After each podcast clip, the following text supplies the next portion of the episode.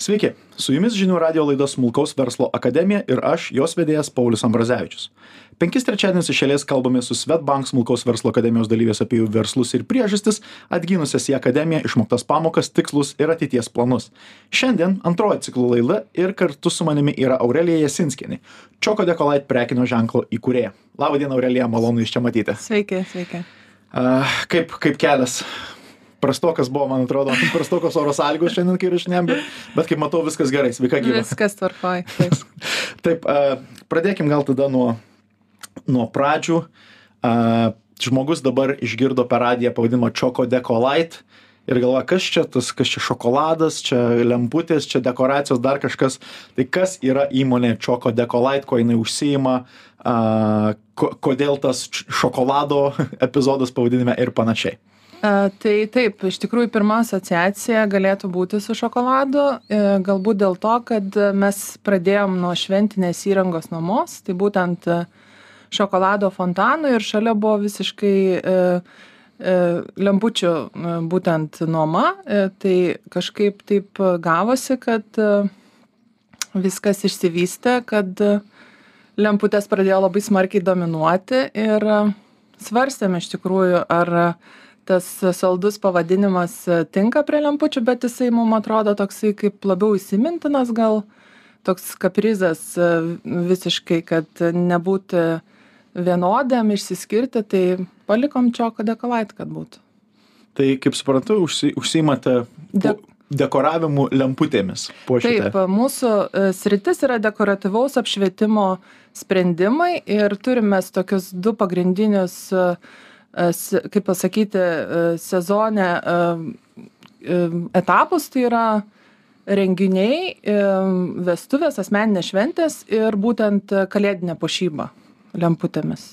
Tai, tai taip taip turbūt e, galima suprasti kad metus dalijate į į dvi dalis. Viena yra a pasiruošimas ir puošimas per didžiąsias metų šventes kalėdas ir ir panašiai naujuosius metus. O kita pusė yra vestuvės gimtadieniai ir vasara daugiau turbūt ar ne? Taip tai yra tas pats dekoratyvus apšvietimas bet būtent specifika truputėlį yra kitokia nes renginiai yra tai dažniausiai būna vienos dienos renginiai tai tas papuošimas būna toks trumpas.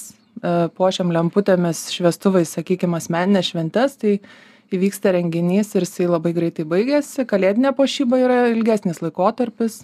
Ir dabar anksti prasideda kalėdinė puošyba kad galbūt žmonės šventiškumą labiau pajaustų greičiau tai teko ir girdėti iš tikrųjų. Pats anksčiausias mūsų projektas kalėdinis buvo papuoštas spalio šešioliktą dieną tai o vau tikrai tikrai tai e, e, iššūkis buvo ne tame kad e, labai anksti puošti bet iššūkis kovoti su žmonėmis kurie einant pro šalį turėjo būtinai pakomentuoti ir pasipiktinti aišku kodėl taip anksti bet kliento pageidavimas yra mūsų kaip pasakyt prioritetas tai mes ne nesiginčijam šitoj vietoj tik teko su praeiviais truputėlį padiskutuoti. E, dar prieš prieš kalbantis e, apie apie jūsų verslą daugiau apie pradžią ir panašiai labai įdomų pa pa paminėjot dalyką kad vis anksčiau pradeda puošti ar ne? Taip. Nes aš pavyzdžiui aš esu mūsų šeimoj su žmona kyla nuolat ginčai nes aš esu iš tos tradicijos e, kad kalėdų eglutė yra puošiama kūčių dieną, o jei vėliausiai gruodžio pirmą jau turi būti viskas paruošta, supašta ir pakabinta lemputės, tai per, tuos, per visą tą laiką, kol užsimate šito verslu, ar, ar matote, kad tai, tas laikotarpis jisai tęsiasi ir jisai slenkasi jo pradžio vis anksčiau, ar, ar kaip?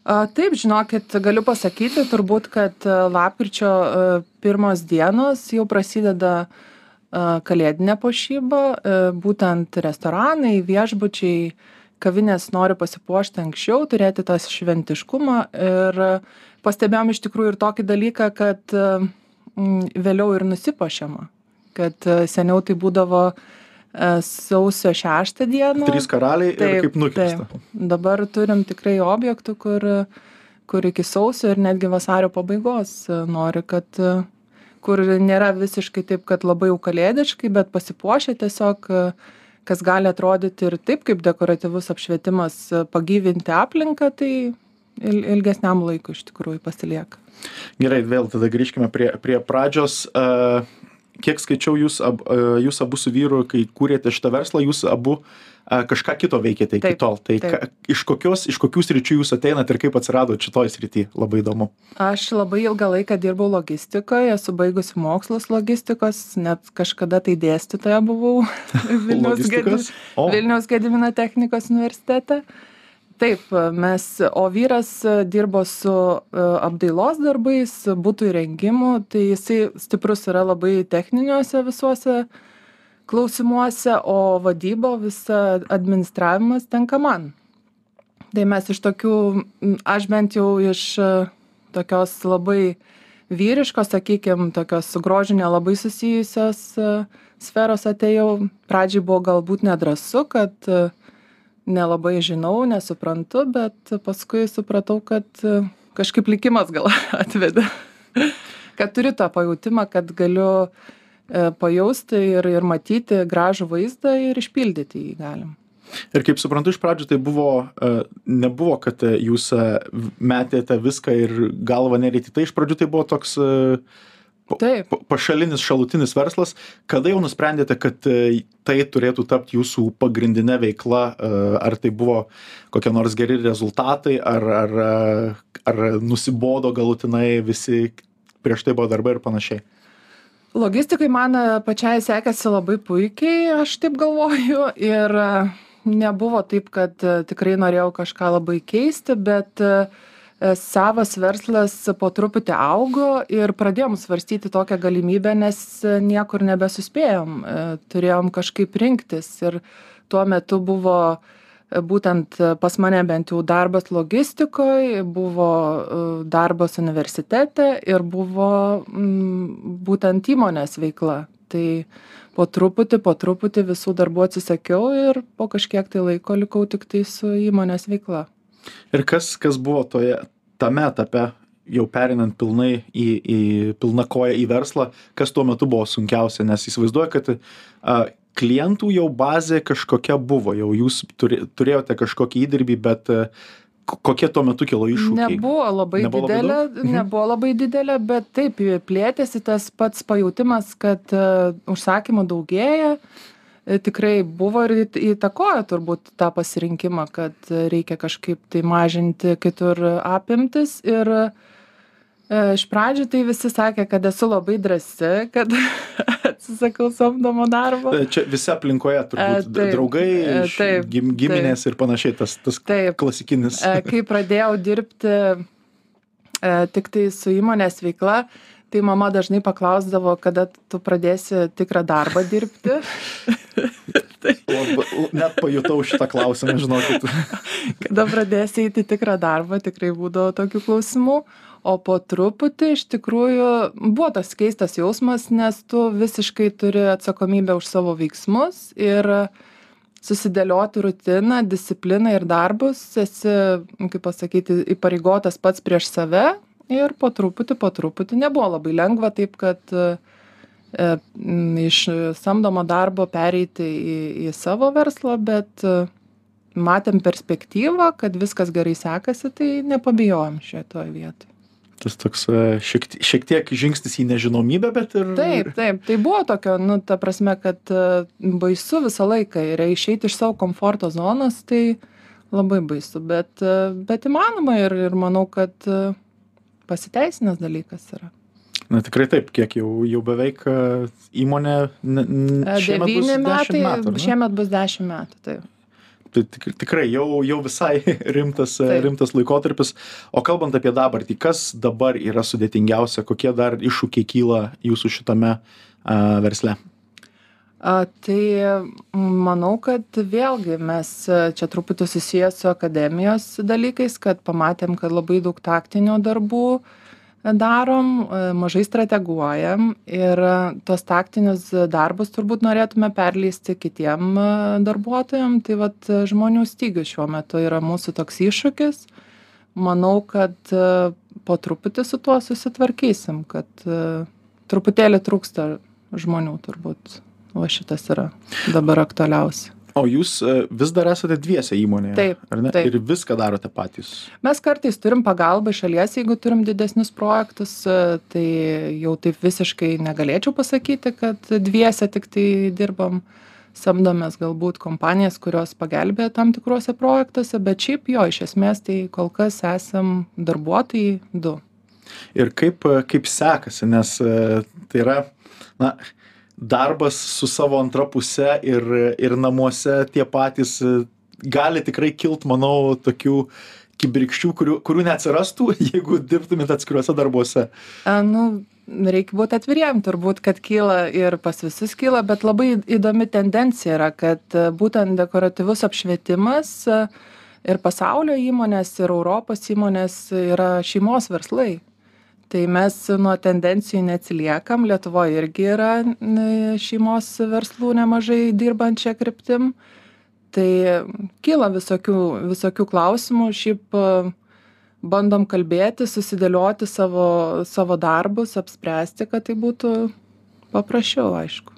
o kodėl kodėl kaip manot tai yra dažniausiai šeimų verslai Sunku man atsakyti, bet kai domėjausi, buvau tikrai nustebinta, kad labai daug ir Lenkijoje, ir, ir, ir Vengrijoje, ir Prancūzijoje tikrai yra daug šeimų, e, kurios įkūrė su dekoru, su dekoratyviu apšvietimu susijusius verslus. nes iš tiek tokia į, į, įdomi tendencija atrodo Tai gal moteris puošia, o, o kaip šeimoje būna, moteris sugalvoja, o vyras turi pa, pakabinti tas lemputes. Bet tai tai yra iš Gyventi. esmės panašu į tai, ką sakėt, kaip jūs dalinatės darbus, nes vyras labiau Taip, techninius taip. sprendimus, o jūs e, pačius, pačius dekoravimo. Tikrai taip. E, Taip, e, šiek tiek domėjausi e, ir, ir e, turbūt negaliu iš to nepaklausti. Vis tiek dirbate renginių srityje ir buvo per paskutinius e, porą metų toksai laikotarpis, kai, kai renginių e, dalį laiko nebuvo, kitą dalį buvo jie su didžiuliais apribojimais, tai viskas tai, kas vyko per, per, per pandemiją. Mm, Kaip sekėsi būtent tuo metu ir, ir ar nekilo mm, abejonių ir, ir pamastymų, kad gal mama buvo teisi, gal reiktų normalų darbą susirasti. Ne, tikrai nekilo, iš tikrųjų buvo iššūkių. Jie iš esmės irgi buvo labai įdomus, bet pats baisiausias turbūt dalykas tai buvo, kad e, nesusirgtume, e, nesusirgtume virusu tuo metu, kai esame įsipareigoję atlikti darbus. Tai va turbūt šito labiausiai bijojame, bet viskas gerai, nes daug lempučių vasarą kabinama laukia tai mes to išvengėm ir um, tikrai buvo ribojimai tas matyti ir finansiniuose rezultatuose kad e, jautėsi truputėlį ta nežinomybė jos tikrai buvo renginių sferai nemažai tai kažkaip pavyko mum išlaviruoti tarp šitų dalykų O kaip, kaip manote, kokie, kokie jūsų pačių priimti sprendimai e, daugiausiai prisidėjo prie to, kad e, tas verslas išgyveno ir, ir dabar vėl toliau auga? Nebuvo taip labai, kad e, mes labai ten jau neišgyventume, mhm. bet iš esmės, kad e, aš taip bendrai pagalvoju, kad e, augimas įmonės atsirado tada, atsirasdavo tada tendencingai, tai matydavosi, kai mes labiausiai rizikuodavom. Ar kiekių lempučių, ar kai būdavo daugiausiai rizikos, kur, nu, paskutinis mūsų, sakykime, toks įdomesnis atvejis, kai mes uh, praeitais metais e, labai patį didžiausią kiekį lempučių atsigabenom e, karo laikotarpiu. E, Gabenomės traukiniu, tai traukinys iš Kinijos važiuoja per Rusiją ir, ir Baltarusijos. Ir tiesiog tai būtų, jeigu kažkas būtų atsitikę, turėjom nemažai tokio streso. Jeigu kažkas būtų atsitikę, tai tiesiog būtų kaip force majoras ir kažkokių nuostolių atlyginimo ar kažko tai būtų nu, tikrai nemažai turbūt buvę, bet e, viskas kaip gerai ir viskas tokia rizika, na, aišku, mes neplanavom, kad taip atsitiks, bet tikrai turėjom tokio... Nie, niekas neplanavo be abejo. Turėjom tokio labai nemažo nerimo, kaip, kaip bus iš tikrųjų. Ir paskui kitų momentų dar turėjom krovinių ir netgi transporto kompanijos ne visos primdavo, sakydavo, kad tai yra visiškai jūsų rizika. Jeigu jūs norit gabentis, tai va truputėlį turėjom nukelti savo kai kuriuos produktus, atsivežti. Tai mes turim ne tik lemputes, bet ir šviestuvų montuojame šventėse. Tai va buvo tokių o šiaip tie šuoliai labiausiai matosi kai priimdavom tokius rizikingus sprendimus didinti kardinaliai lempučių turimą kiekį E, naujus kažkokius šviestuvus brangius įsigyti ir panašiai.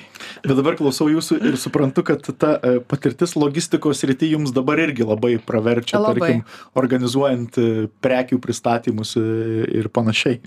Tikrai labai, labai esu dėkinga buvusiom darbovietėm ir tikrai jaučiu, jaučiu, kad esu stipri ir nemažai netgi mano studentų, su kuriais aš universitete bendradarbiavau, tai būtent kaip dėstytoja, kaip bakalaurinių darbų e, vadovė, tai jų dirba logistika ir tikrai labai padeda ir džiaugiuosi to, kad tos žinios kartais net kiti ateina pasikonsultuoti.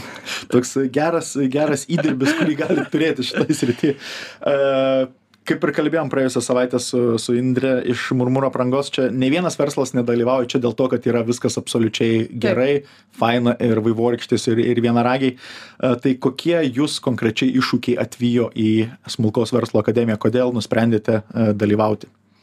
Aš iš esmės tai pati esu tokia labai iniciatyvų mėgėja, tai dalyvauju, kur tik tai, kaip pasakyti, pavyksta sudalyvauti o šiaip tai labai norėjosi pasitarti su kažkuo kompetentingu ir pasižiūrėti truputėlį į tą mūsų verslą nedidelį verslą kur mes galim keliauti toliau. E, tai vat truputėlį iš viršaus galbūt tokio nusipūsti tas dulkes ir ir tuos darbus nuo tų taktinių darbų pasižiūrėt labiau strategiškai. Tai šiemet vat su vyru perkalbėjom kad mūsų šūkis turbūt bus mąstyk strategiškai, kad, kad reikia truputėlį vat, pasižiūrėti iš šalies, tai norėjusi tokio patarimo ir tikrai galima labai tą išnaudoti ir, ir, ir kaip pasakyti, ir įsivertinti, kur galima judėti toliau. Nes e, kaip tik skaičiau jūsų, jūsų e, paraiškoje, e, tikslai yra, norite išsigryninti veiklos kryptį Taip. ir sustiprinti elektroninę prekybą. Taip. Kaip suprantu, Taip. tai tarp kokių krypčių dabar blaškotės ir ką, ką norite, ko, kokią didžiausią problemą čia matote? Tai tos kryptis galbūt pasakyčiau, kad mhm mes kaip e, tokie pionieriai pradėjom nuo e, renginių ir ir ir vasaros švenčių e, tai galbūt svarstėm galimybes gal labiau stiprinti kalėdų kryptį kas dažniausiai yra vystoma. Netgi kai kurios įmonės nedirba labai su vasaros renginiais o tiktai ruošiasi visą sezoną iki kalėdų kalėdiniam renginiam tai va toks išsigryninimas gal būtų tai mes žiū tiesiog svarstom ne tai kad nutraukti bet iš esmės kad pastiprinti tokias išsigryninti galbūt labiau pasakyčiau kaip galbūt su renginių organizatoriais daugiau dirbti su vestuvių planuotojam ir ir toks vat būtų tokia tokia kryptis to žiūr žiūrėjimas mhm. O tada e, elektroninės prekybos e, kryptis, kaip suprantu, jūs e, ne tik nuomojate, ne tik puošiate patys, bet ir pardavinėjate, kas jūsų kai kuriems klientams vis dar nuostabu, nes jie nežinojo, kad taip, tai darote. Taip, mus labai stebina, bet iš kitos pusės gal ir nestebina, kad mes neturim labai to laiko tiek tiek neįdedam pastangų, kad išpopuliarintume tą dalyką, nes tikrai E, dažnai juokaujam kad tų kilometrų lempučių pas mus sandėly tikrai yra labai nemažai. Kažkada tai sakėm kad iki dešim kilometrų dar skaičiuojam dabar jau nebeskaičiuojam. Tai ir tai nėra dideli skaičiai dabar jau daug daug ūgtelėję daug daugiau bet taip mes labai aktyviai nuomojam savo klientam sakykim renginių organizatoriam ar ar ar įmonėm e, sakykim bet jos nežino kad mes ir parduodam lemputes. Tai vat e, galbūt ta ta kryptis kur tikrai reikia žmonių ir ir pastiprinimo nes patys jau tikrai nespėjam padaryti o parduoti tikrai galim nes yra kokybiškos. Mes ne tik mūsų turbūt privalumas yra tame kad e, mes dirbam patys su tom e, su tomis lemputėmis mes jas kabinam renginiuose kiekvieną dieną ir mes tikrai norim dirbti su kokybišku produktu ir nu kad nebūtų ten kažkokių atsitikimų renginio metu kad nešviečia ir panašiai. Tai mes vat esam turbūt stiprūs tame kad tas lemputes patys esam ištestavę ir ir džiaugiamės jų kokybe Tai parduodate tai, ką patys naudojate iš tikrųjų. Iš esmės taip. Gerai, daugiau apie tai pakalbėsime po žinių. Primenu su jumis Smulkaus verslo akademija. Su jumis Smulkaus verslo akademija. Grįžtame po žinių ir su manim šiandieną yra Čoko Dekolait įkūrėja Aurelija Jasinskienė. Sveiki dar kartą. Sveiki dar kartą. Malonu. Nors nebuvom niekur išėjęs. Taip, tai prieš, prieš, prieš žinias kalbėjome, kad iš tikrųjų pagrindinės pagrindiniai klausimai, kuriuos norite spręsti ir dėl to atvykote į Smulkaus verslo akademiją, yra, kad noras, iš, norite išsigryninti, kuriomis kryptimis tiksliau norite eiti savo, savo versle ir norite plėsti elektroninę prekybą. Ir antrą dalį skirsime mm, pokalbio mm, pakalbėti apie tai, kaip jums jau sekasi šitas smulkaus verslo akademija, jau, jau porą savaičių projektas vyksta, tai gal pirmiausiai pradėkim, ar tai yra apskritai pirmieji tokie arba panašus verslo mokymai, kokiuose dalyvaujate, ar per tuos beveik dešimt metų jau bandėte ir gilinti ir teorinės verslo žinias? Uh tai nėra galbūt visiškai tokie mokymai kur tektų dalyvauti. Nebuvau tokiuose mokymuose bet tai labai yra naudinga ir tokių kartais pasižiūrėti tokius aspektus kur niekada taip nepasvarstydavai kad ir sakykim išsigryninti savo verslo vertybes ko nu tikrai mes dviese su vyru niekada apie tai nešnekėjom ko koks mūsų kokios mūsų verslo vertybės bet po pirmos paskaitos mes tikrai susėdom ir ir aptarėm šituos klausimus ir galvojom kad mum tiesiog galbūt prašviesėjo akyse kad galim matyti per vertybes kaip vystyti verslą. Tai tas yra tikrai labai aktualu įdomu ir stengiamės pasiimti visą informaciją ir pritaikyti savo versle kas tik įmanoma Taip, nes ka, mūsų klausytams priminsiu, kas, kas neklausė galbūt pirmosios laidos arba mažiau domėjosi, kad a, ta akademijos programos medžiaga yra a, Kanadoje sukurta a, System Business Coach medžiaga ir pagal ją a, gali verslai pasižiūrėti, kas, kas jiems sekasi gerai, kas prašiau ir panašiai. Ir jūs būtent su ta, su ta programa dirbate ir ten coacheris Povilas Patrauskas padeda ją naudotis. Uh, tai kokios tos jūsų verslo vertybės? Nes minėjot kad kad jau po pirmo nes pati pirma sesija berods ir buvo apie verslo vertybes ir ir aš pats dalyvavau toje sesijoje aš irgi pats Mhm. pats stebiu ir klausau.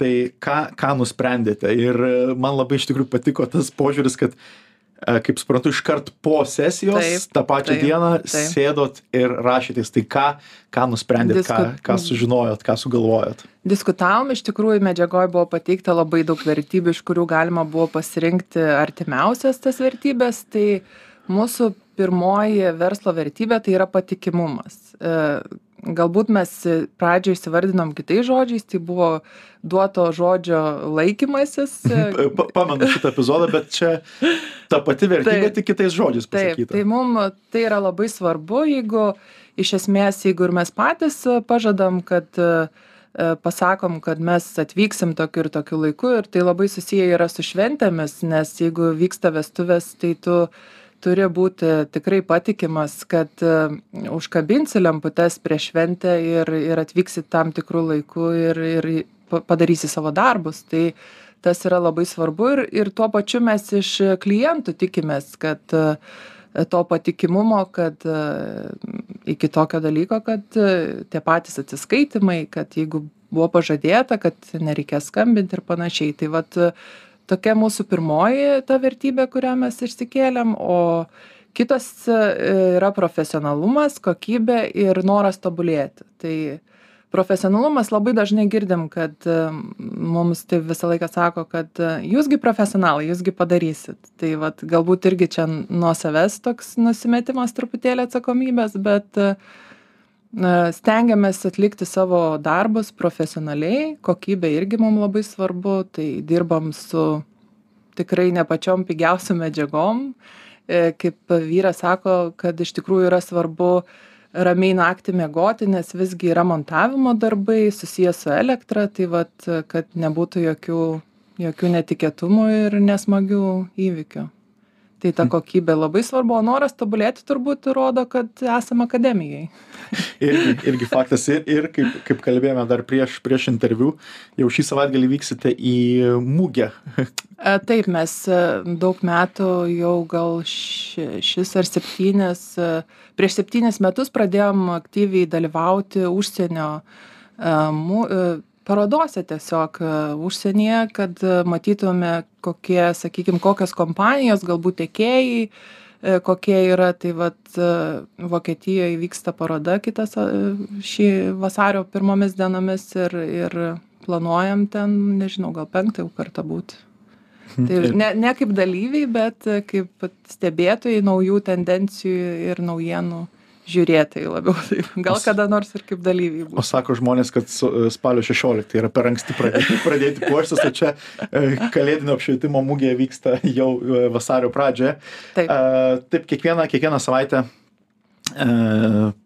akademija būna ir, ir vienas arba vėlesnėmis e, savaitėmis bus ir daugiau pranešimų.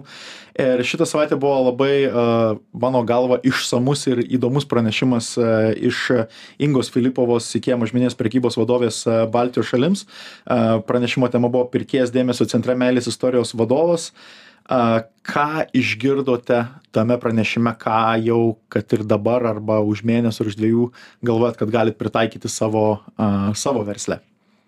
Tai man labai užstrigo tokia mintis kad e, ikėjoj dirba tūkstantis valytojų kurie yra pasiruošę visą laiką atnaujinti e, sakykim aplinką ir ir tikrai pastebėjus e, ikėjoj nerasi ten sudužusių stiklinių įskilusių ir panašiai tai kažkaip labai toks supratimas atėjo kad vat žmonės deda į tai pastangas darbdavys tai akcentuoja ir tas labai tokia įdomi e, taip kažkaip rezonuoja, kad kai pagalvoji apie mūsų sandėlį dabar, tai Nu, kad aišku, tai nėra šaurumas kažkoks, bet e, tos tokios tvarkos ir, ir norisi dar daugiau, e, ką galima būtų padaryti. Ir šiaip visokių minčių kilo, labai įdomus pranešimas buvo, tai pasvarstymų tikrai turėjom.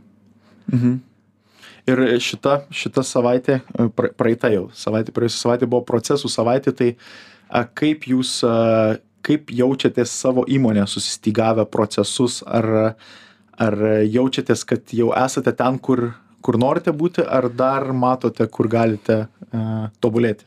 Kol esam kaip du žmonės du darbuotojai ir sakykim tai tikrai jau ir dabar esam apsibrėžę ką mes turim daryt ir kokie mūsų yra darbai nes turėjom tikrai nesusipratimų kai sakykim visus e, laikus ir ir visokius administracinius klausimus aš sprendžiu tai buvom kad nesusikalbėjom keletą kartų tai tai apsibrėžėm dar aiškiau kad kas už ką atsakingas yra manau kai e, daugės žmonių tai bus labai reikalinga e, žinoti visus e, veiksmus ir procesus kaip mes tą darom ir ir apsirašyti netgi.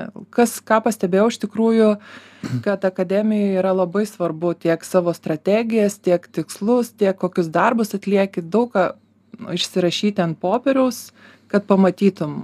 Nes kitą kartą tikrai galvoji kad aš tiesą pasakius buvau įsitikinus kad nu tikrai nemažai strateguoju bet kai išsirašiau visus darbus tai supratau kad nieko panašaus kad kad dar ir labai tame e, taktiniame lygmenyje taip, darote, taip, darote taip. dalykus. Ir, ir iš karto sugalvojau kelis netgi strateginius sprendimus, kuriuos aptariam, e, bet uh, nu tai buvo truputėlį toksai lengvas sukrėtimas. Galbūt to ir norėjom ateidami į akademiją kad mes pamatytume kur kur mes e, per daug iššvaistom to laiko kur galėtume kitur panaudoti jį.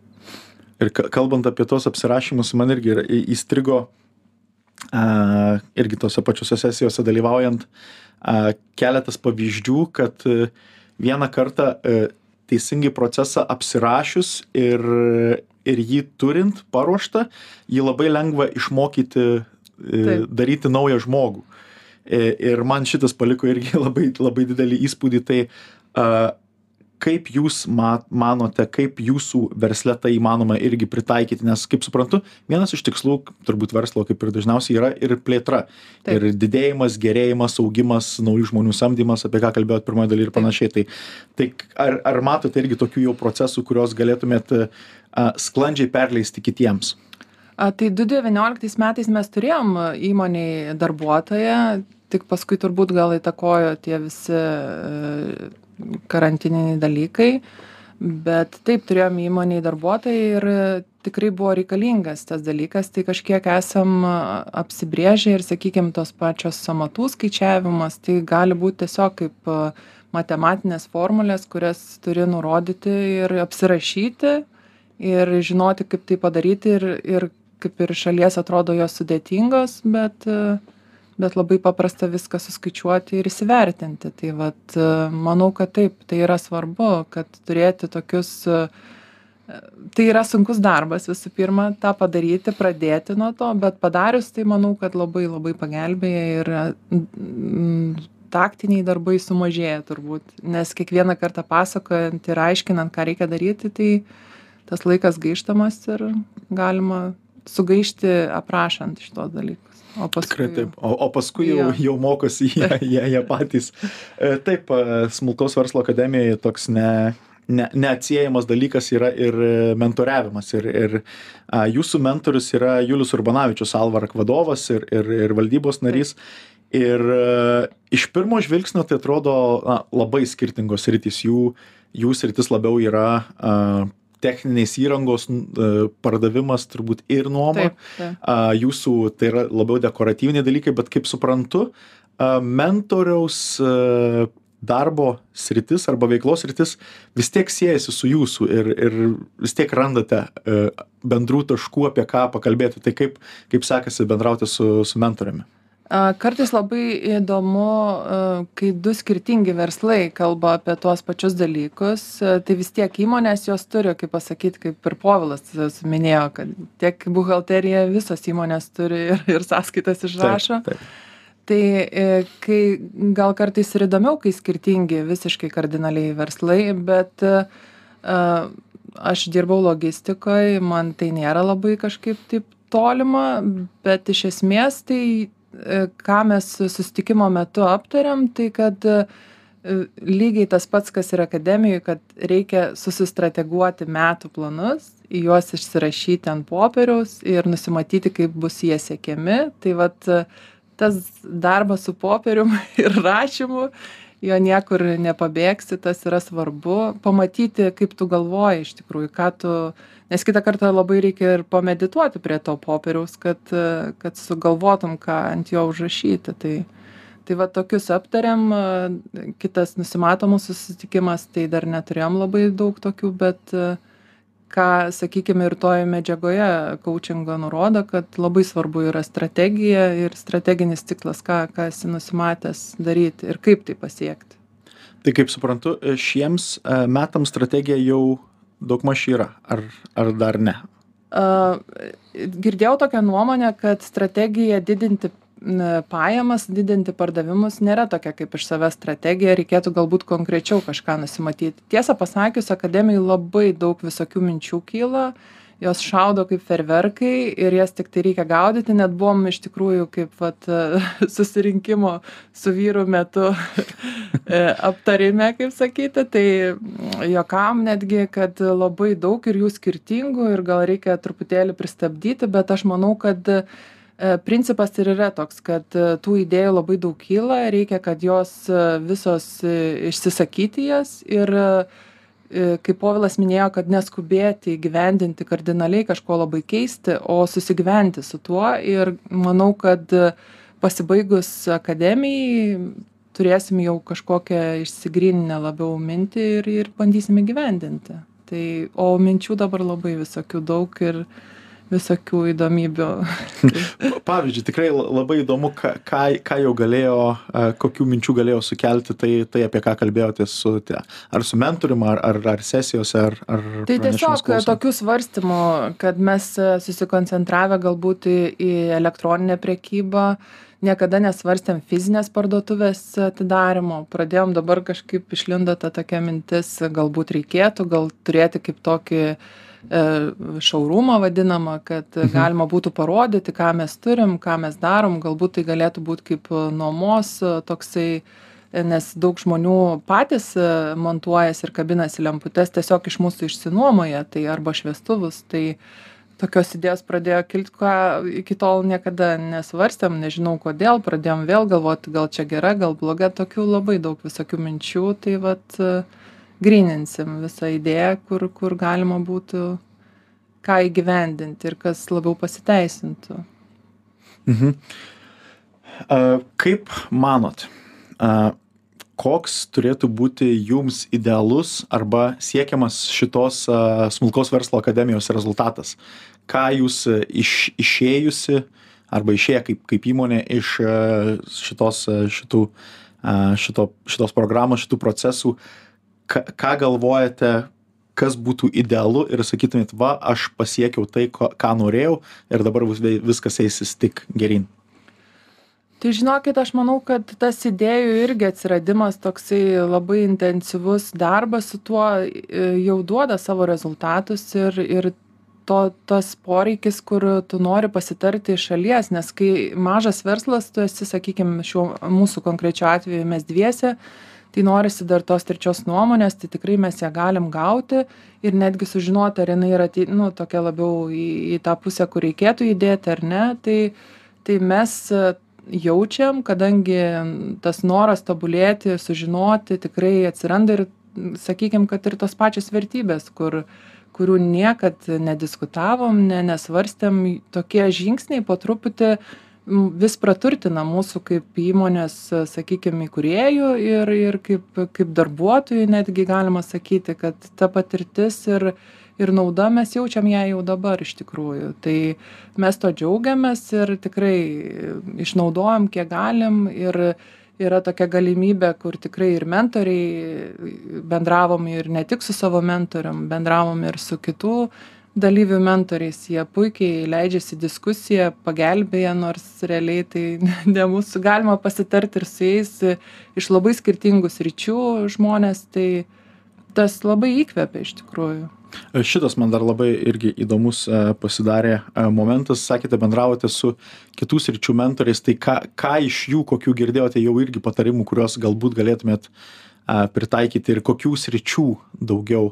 Nes aš suprantu, kad, tarkim, su Julimu Urbanavičium temos turbūt yra vienokios. Taip. Ten, jeigu kalbate su, nežinau, su Dovilio Končiak iš Right grupės ir panašiai, jos požiūrio kampas irgi yra šiek tiek kitoks. Tai, tai ką ką davė bendravimas su tais kitais mentoriais ir tai vat ir su dovile ir mhm. bendravom iš tikrųjų e, tai taip jeigu trumpai tai sakykim mes niekad e, dovilė dirba su rinkos tyrimais ir sakykim mes niekad neklausdavom sakykim savo klientų atlikę paslaugą ar ar sakykim pardavę produktus neklausdavom jų ar jie rekomenduotų mus. Šiaip labai daug žmonių ateina e, mus atranda per rekomendacijas bet e, niekada nesiteiraudavom. Tai labai taip labai įdomu paliko kodėl mes to nedarydavom nes iš esmės tai labai įdomu nes vienintelis klausimas e, čia irgi eigoj mes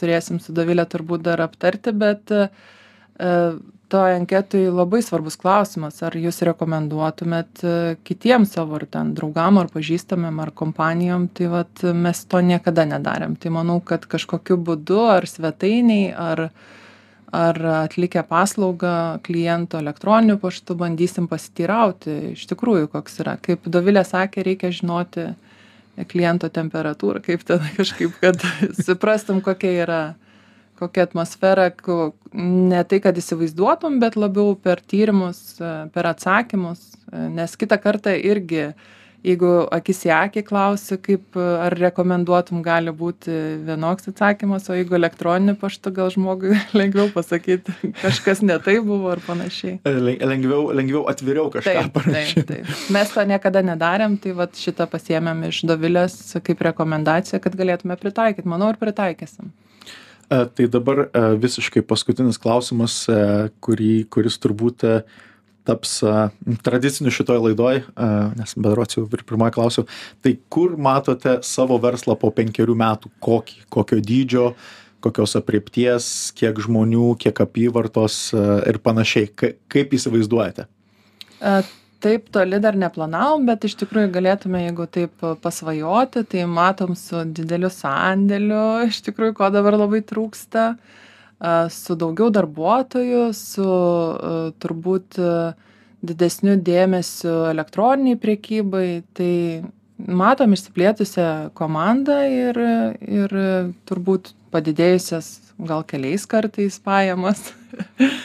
ir ir ir pelnus tai tai šitą matom iš tikrųjų nes visą laiką dirbom ir turbūt ir finansinėse ataskaitose matosi kad kryptingai vis judam aukštyn ir ir manau po penkių metų to labai norėsim ir stengsimės kad tai išliktų kad kryptingai judėtume į viršų ir labai tikiuosi kad a, smulkaus verslo akademija a, prie šito augimo jums prisidės taip tikiuosi manau kad taip ir bus A, Ačiū.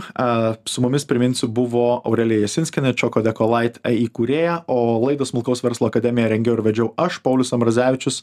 Šios ir kitų laidų įrašus galima rasti žinių radijos svetainės žinių radijos LT laidų archyve, YouTube kanale ir Spotify. Projektas Smulkaus verslo akademija pristato Svetbank.